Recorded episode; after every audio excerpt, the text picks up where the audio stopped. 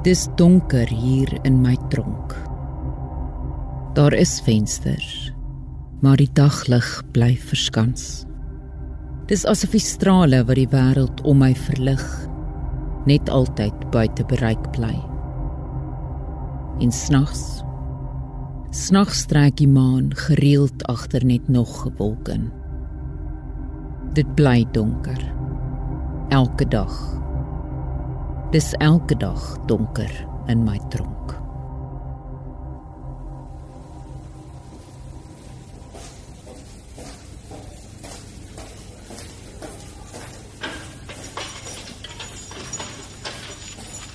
Was jy al in 'n tronk?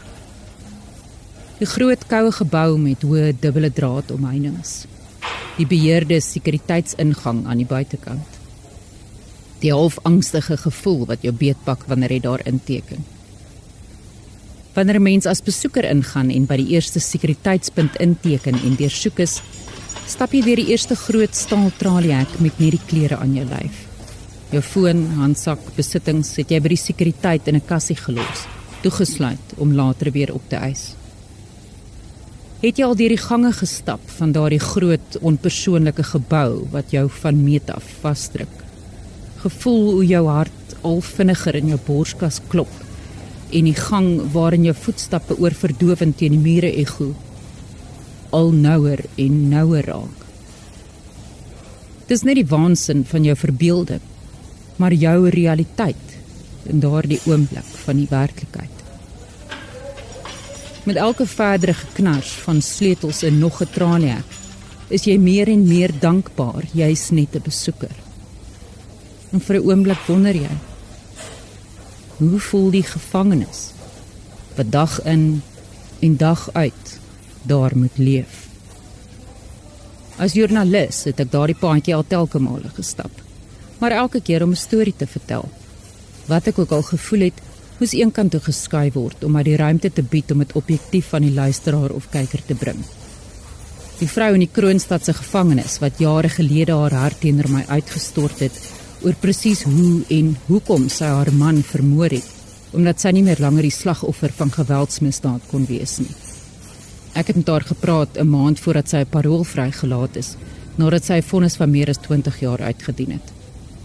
Die vreemde, amper absurde gevoel wat ek in my kameraspan ervaar het, die dag toe ons in die leë tronksel gestaan het waarin Oscar Pistorius sy vonnis vir strafbare manslag uitgedien het was enkele dae nadat hy op proeflating vrygelaat is. En voordat die staat se appel teen sy skuldigbevindings en vonnis suksesvol was en hy aan moord skuldig bevind is en weer tronk toe gestuur is. Voor sy eerste vrylating was hy vir byna 22 uur van die dag toegesluit in 'n enkel sel. Ek het my arms uitgestrek en gemeet. Die sel was minder as 2 meter by 2 meter. Gevangenes moet gestraf word maar ek het daarna vir dae aan een gewonder wat deur mense kop gaan wanneer jy so baie tyd in isolasie deurbring. Iets wat ek wel 'n paar jaar later self sou uitvind toe ek myself in 'n tronk van my eie bevind het. Gefonnis lewenslank sonder die vooruitsig van parol.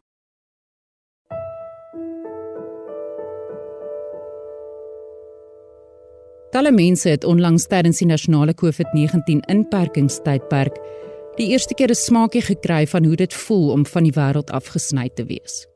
Baie het gesê hulle voel ingehok of ingeperk of hulle opgesluit is. Maar hierdie inperking is nie die tronk waarvan ek praat nie.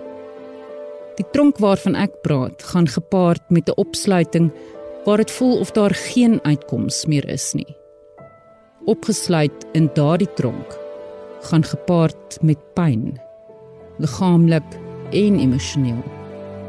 En isolasie so ingrypend dat die lig dikwels uitgedoof word. Ek ly aan Crohn se siekte 'n inflammatoriese darm en outoimmuun siekte my storie is net een van baie van my medegenote wat ook ly aan outoimmuun siektes Dis so algemeen soos kanker. En hierdie mense beweeg elke dag tussen jou en my. Maar jy weet dit dalk nie. Want anders as kankerpasiënte wat behandeling ontvang, lyk mense wat aan outoimmuunsiektes ly nie altyd siek nie. Die simptome waarmee hulle elke dag moet saamleef, is nie uiterlik sigbaar nie. Maar hulle veg daaglikse stryd om te probeer aanpas in 'n normale samelewing. Die worsteling en uitdaging is net sedert hul diagnose is niks meer normaal nie. Want vir die meeste mense wat aan hierdie ongeneeslike siektes ly, verander hul lewens onherroepelik.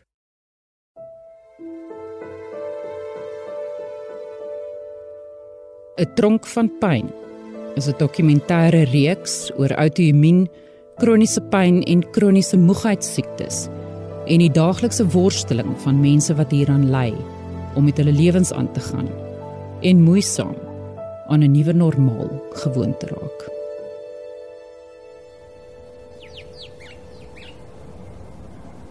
Jy moet fisies afskeid neem van wie jy was, van daai persoon is net herinnering. Dit is regtig so. Pyn met ter tyd begin, dit is maar spierpyn. So stelselmatig word lewe soos jy dit geken het weggevat. Spontaniteit van kom ons gaan gou uit. Nee, want ek moet dalk nou eers rus. Alles wentel om die siekte, die hele huishouding wentel om die siekte. Rita Verviers was 36 jaar oud toe sy 18 jaar gelede begin voel het sy is nie meer haar energieke self nie. Sy, haar man Boet en hulle twee dogters het in Saldanha aan die Weskus gewoon en was op die nippertjie om terug te trek Gauteng toe. Hierse van 2004 se kant af, toe ek nou besef hier's regtig fout. Ek het nie my energie wat ek altyd gehad het nie. Ek kon as die wekker afgaan, dan was ek soos 'n rocket soos hulle sê uit die bed uit en ek kon tot laat aan werk. Werk vir my 'n passie, dit is vir my lekker om te werk. En ek het weer geswat en alles. Ek het weer probeer draf en ek kon net nie fiks word nie. Jy weet, dit het harde werk gebly en dan word voel jy siek na die tyd en virus het begin aan mekaar aan mekaar elke 6 weke dan sit antibiotika antibiotika en toe uiteindelik het ek by 'n dokter uitgekom wat vir my gesê het nee hierdie is ME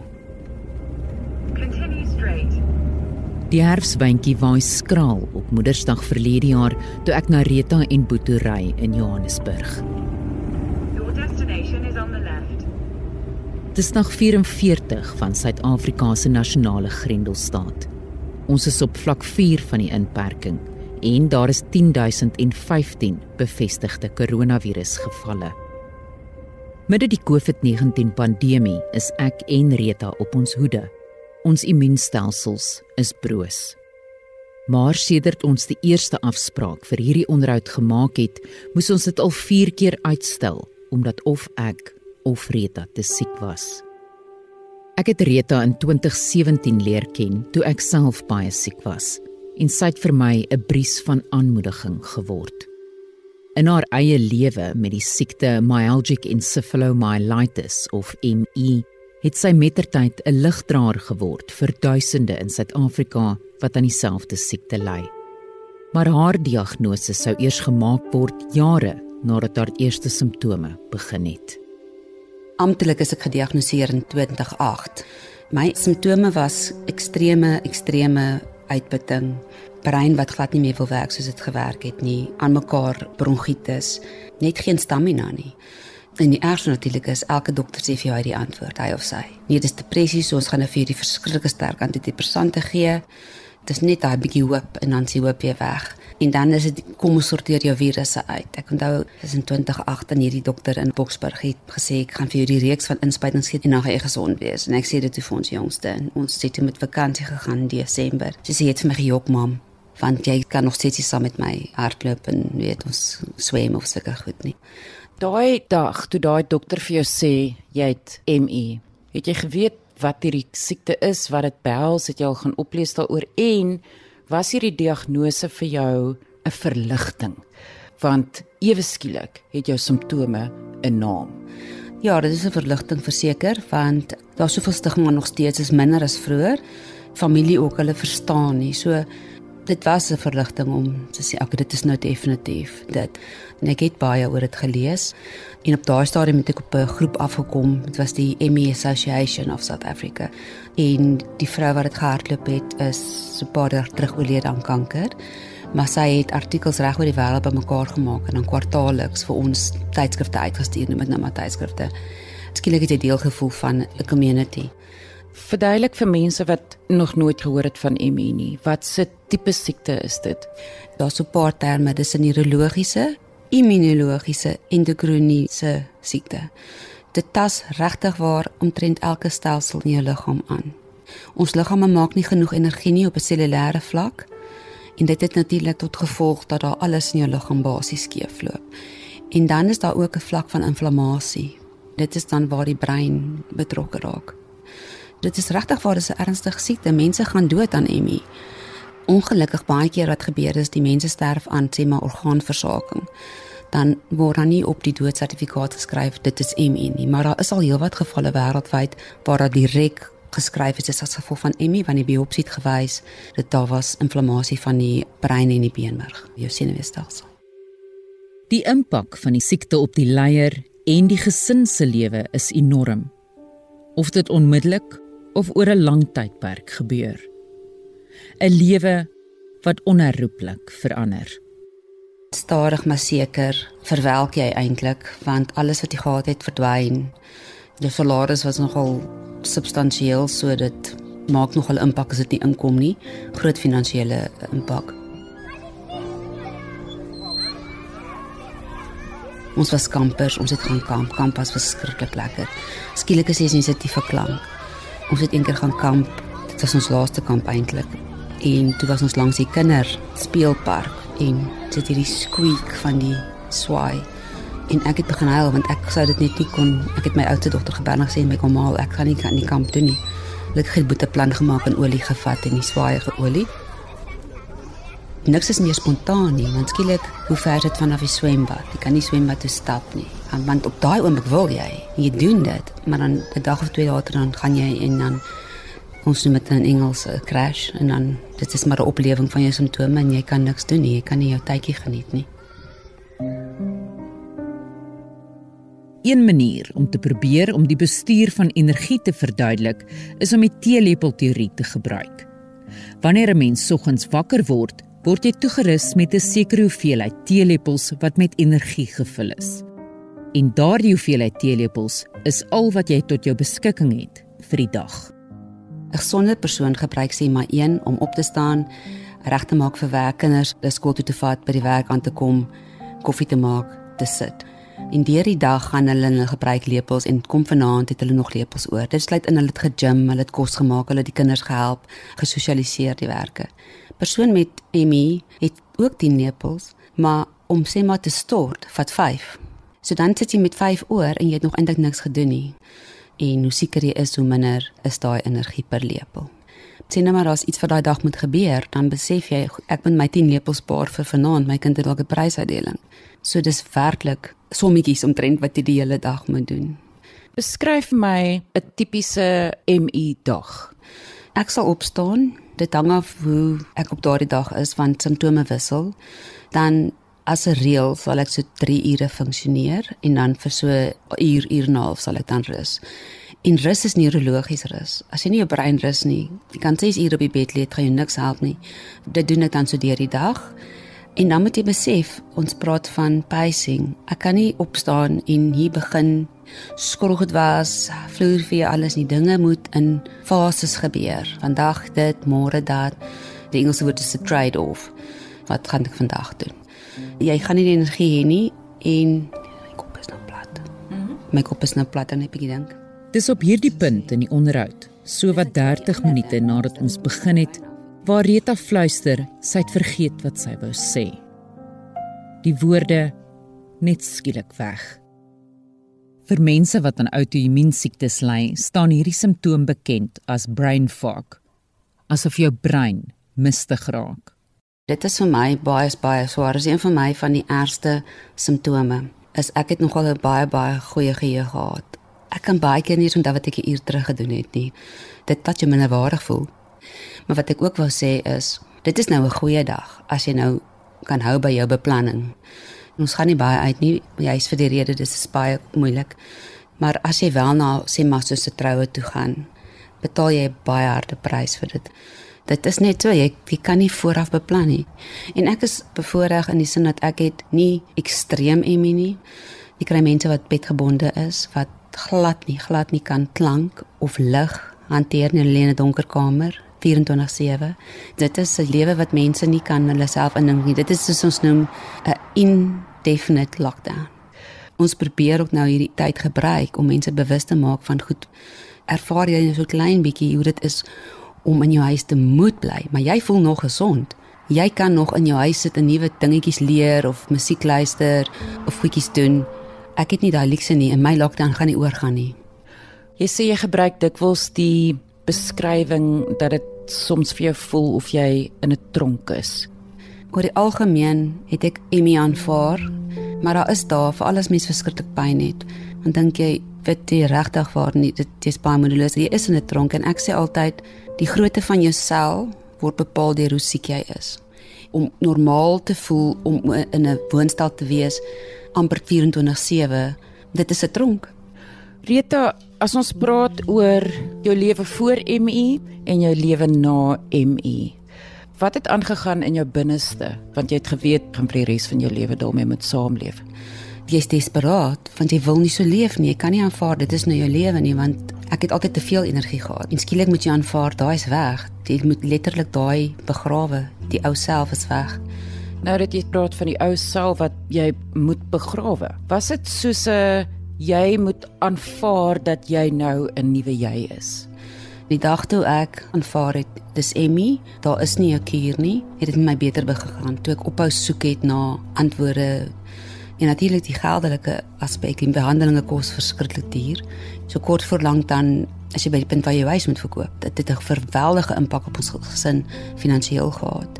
Jy het nou nou vertel van in daai stadium wat jy siek geword het, het jou man Boet. Dit was hierdie droom van julle, hy gaan nou aftree, jy gaan nou die hoofbroodwinner word. Hoe het daai julle lewe verander? Want dit is ontsettend moeilik geweest want hy was toe op pad 60 toe dis nie so maklik om dan van voor af 'n nuwe beroep te vind nie. Dis nie net vir kom ons kry 'n nuwe werk nie. Ek dink dit is een van die grootste gevolge van 'n kroniese siekte by gesin, is die geld. 'n Privaat mediese fonds het skielik 'n onbekostigbare luukse geword. Ek het die staatssektor probeer, ek was by die staatskliniek. Dit was baie moeilik want dan het hulle nie jou medisyne nie, want hulle nie jou leer nie. Dit is alles tel saam op weet jy die bekommernis hoe kry die kinders deur die skool hoe gaan die kind studeer op universiteit waar gaan ons volgende maand hier kry dit is skielik vir ons wat nooit voorheen daaroor bekommerd was nie was dit ons realiteit watter impak het die feit dat jy siek geraak het gehad op jou man en op jou kinders In die begin verstaan mense nie. Ek self het nie verstaan nie. Elke keer as ek 'n nuwe simptoom kry, het ek gedink, "Wat se hipokondrik is jy?" Dan sit hierdie, dan dit daai en ek het ongelukkig chemiese sensitiwiteite. Ek kry ongelooflik kopseer van rook, van parfuum, verf. Dit skep baie spanning want as ons na 'n plek toe gou gaan, dan sal ek 'n myl ver 'n sigaret ruik en dit maak my regtig siek voel. Ek weet met tye het dit die gesin regtig geïrriteer. Want dan moet ons nou opstaan en op 'n ander plek gaan sit. Jy weet, dit is amper 'n las. En mense verstaan dit nie. Hulle dink jy's regtig baie snaaks. Omdat dit so moeilik is om te verstaan, is dit so moeilik om te verduidelik, moet dit nie oornag dit verstaan nie. Dit was 'n lang proses. Dieselfde met die kinders ook. Dit was 'n lang proses om te kom by, ag hierdie vrou sit nie aan nie. Deel van Rita se las was 'n skuldgevoel omdat haar man Boet graag wou aftree net toe sy siek word. Skielik was alles anders. Maar hulle het staande gebly en op mekaar geleun. Boet het 'n ander werk gekry. Hy doen meeste van die huistake en hy versorg vir Rita en wanneer dit vir hom moontlik is, is hy altyd aan haar sy. Maar die impak van haar siekte op hulle lewens het met tye 'n warbel emosies ontketen. In die begin was ons maar baie moedeloos dink ek met die jy gaan van een dokter na die ander een en elkeen het sy eie storie. Stadig maar seker het ons saam begin agterkom. Ons kan nie meer die goed doen wat ons wil doen spontaan nie. So ek mis dit klomp goed. Ek wil nou nie leen vertel ek vermis dit klomp goed. Veral die kamp was vir ons baie lekker en so aan. Maar ek gaan maar so nou en dan nog weer rugby kyk of so. Ek weet sy kan nie dis dis te lank vaar. Geldelik is hulle geknak. Een van hulle toekomsbeleggings gestroop. Ja, dis maar stadige doodwurg, jy weet. jy ploeg in die probleme en wat jy kan. Ek het nog 'n paar goeie kontrakte wat ek mee besig is en hopelik nog vir ten minste volgende 5 of 6 jaar nog besig sal wees. Hopelik sal dit help. Daar's ook baie hulp van na internasionale gemeenskap.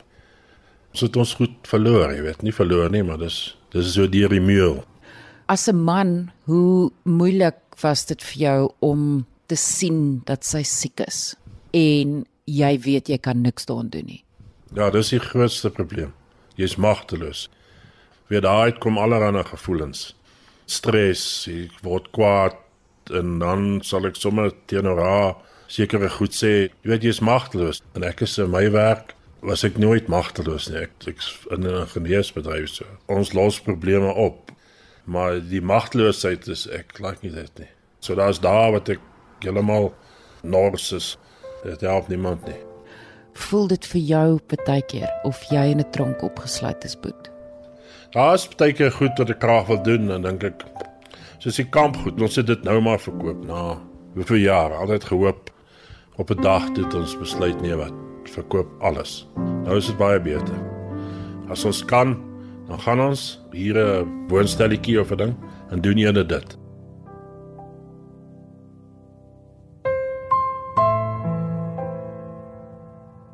Boet en Rita moes albei herbou aan 'n nuwe lewe. Nuwe drome vind. Deel daarvan vir Rita was 'n Suid-Afrikaanse ME ondersteuningsgroep op Facebook wat sy in 2012 begin. Hier deel mense hulle stories met mekaar. 4 jaar later vestig sy met die hulp van internasionale eweknie 'n Suid-Afrikaanse ME stigting. En in hierdie rol word sy 'n fakkeldraer van hoop vir duisende leiers in Suid-Afrika. Dit is wonderlik elke keer dat ons 'n nuwe persoon bereik wat ME het en sê ek het gedink ek is mal. Daar's seker 'n goeie 10 plus mense wat ek daagliks WhatsApp mee gesels net om uit te vind is jy okay. Party mense kan dit net nie hanteer nie. Hulle is tog siel alleen. Ek is gelukkig, ek het nog 'n gesin. So ek het werklik waar weer 'n toekomsvisie gekry. Ek was besonder gelukkig dat ek dit kon regkry.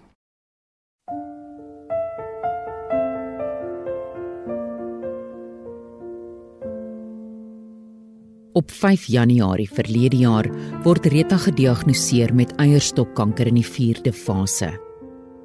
En dit het ook reeds na ander dele van haar liggaam versprei. Die oomblik toe ek kanker kry, toe is hierdie wêreldse simpatie van familie wat voorheen glad nie eers gedink het aan die ME nie want mense verstaan wat kanker. Ja, my haar het uitgeval, hulle kan dit sien. Jy word siek van chemo, maar navorsing wys en ek kan dit nou self sê dat jou lewensgehalte van ME is laer as met kanker. Nie wanneer jy chemo ondergaan nie, nie dan nie. Ook nie wanneer jy op jou laaste is nie, maar as 'n reël tussen chemos is daar 'n tyd wat jy kan funksioneer.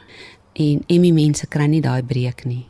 En dit is nie 'n vergelyking van siektes nie, dis net om die ernstigheid van ME vir mense te probeer verduidelik. Na chemoterapie kry Rita in Julie verlede jaar die verblydende nuus dat die behandeling suksesvol was.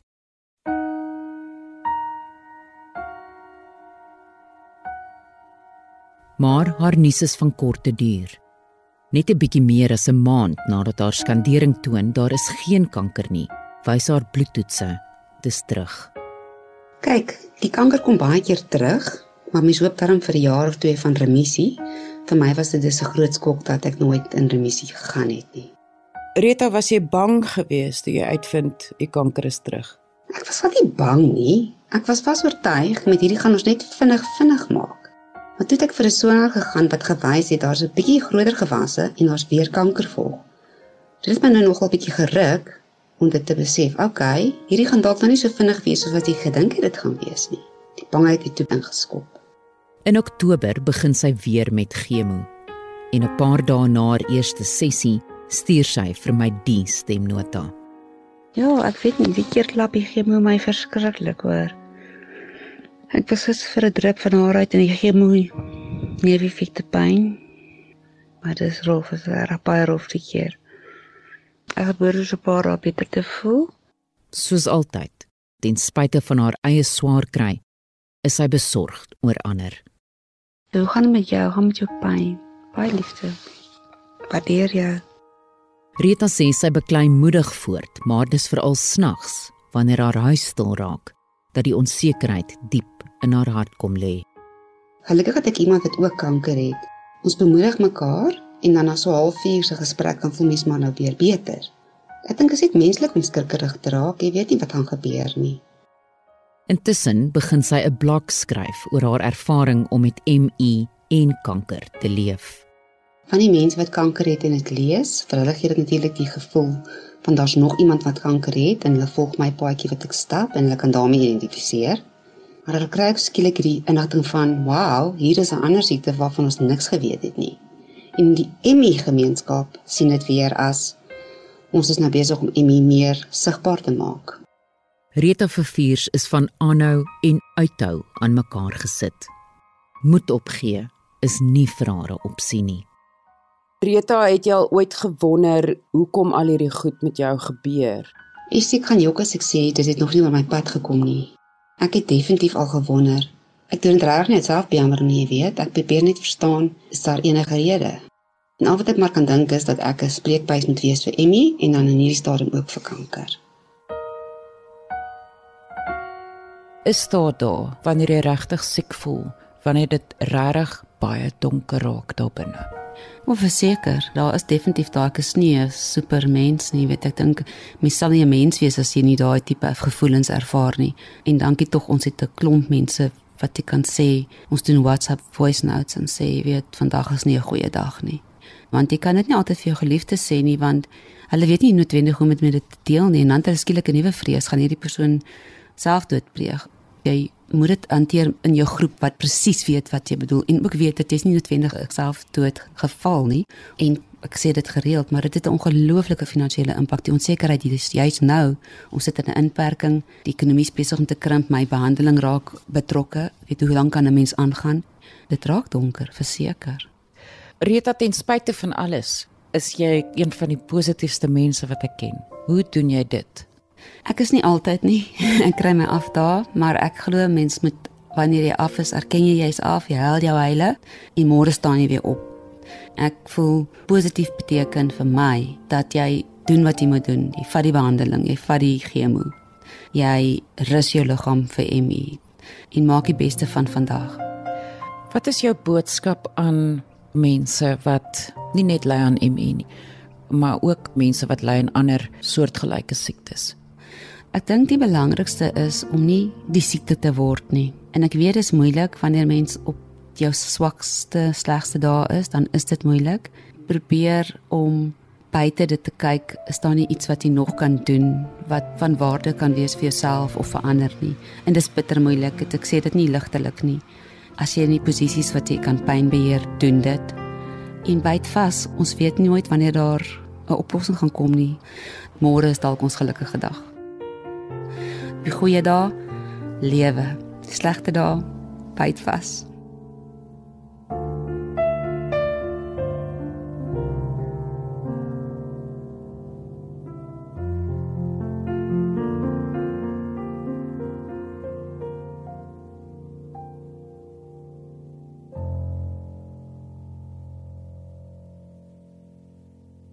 Tronk van pyn is 'n dokumentêre reeks oor die daaglikse worsteling van mense wat ly aan outoimmuun, kroniese pyn en kroniese moegheidsiektes en hoe hulle moeisaam maar dapper voortbeur om aan 'n nuwe normaal gewoon te raak. Vervaardig en aangebied deur my, Estie de Klerk, met klankontwerp deur Danny Boysen. In volgende week se episode van Tronk van Pyn dit voel vir my soos 'n gletser waarvan stukke van mens afsmelt en wegdryf waar jy absoluut niks kan doen nie. Die geliefde liedjie-skrywer en sangeres Annelie van Rooyen ly reeds die afgelope 22 jaar aan die kroniese senuweepyn siekte trigeminale neuralgie. 'n operasie vir die behandeling daarvan loop skeef en ruk haar lewe en loopbaan tot stilstand.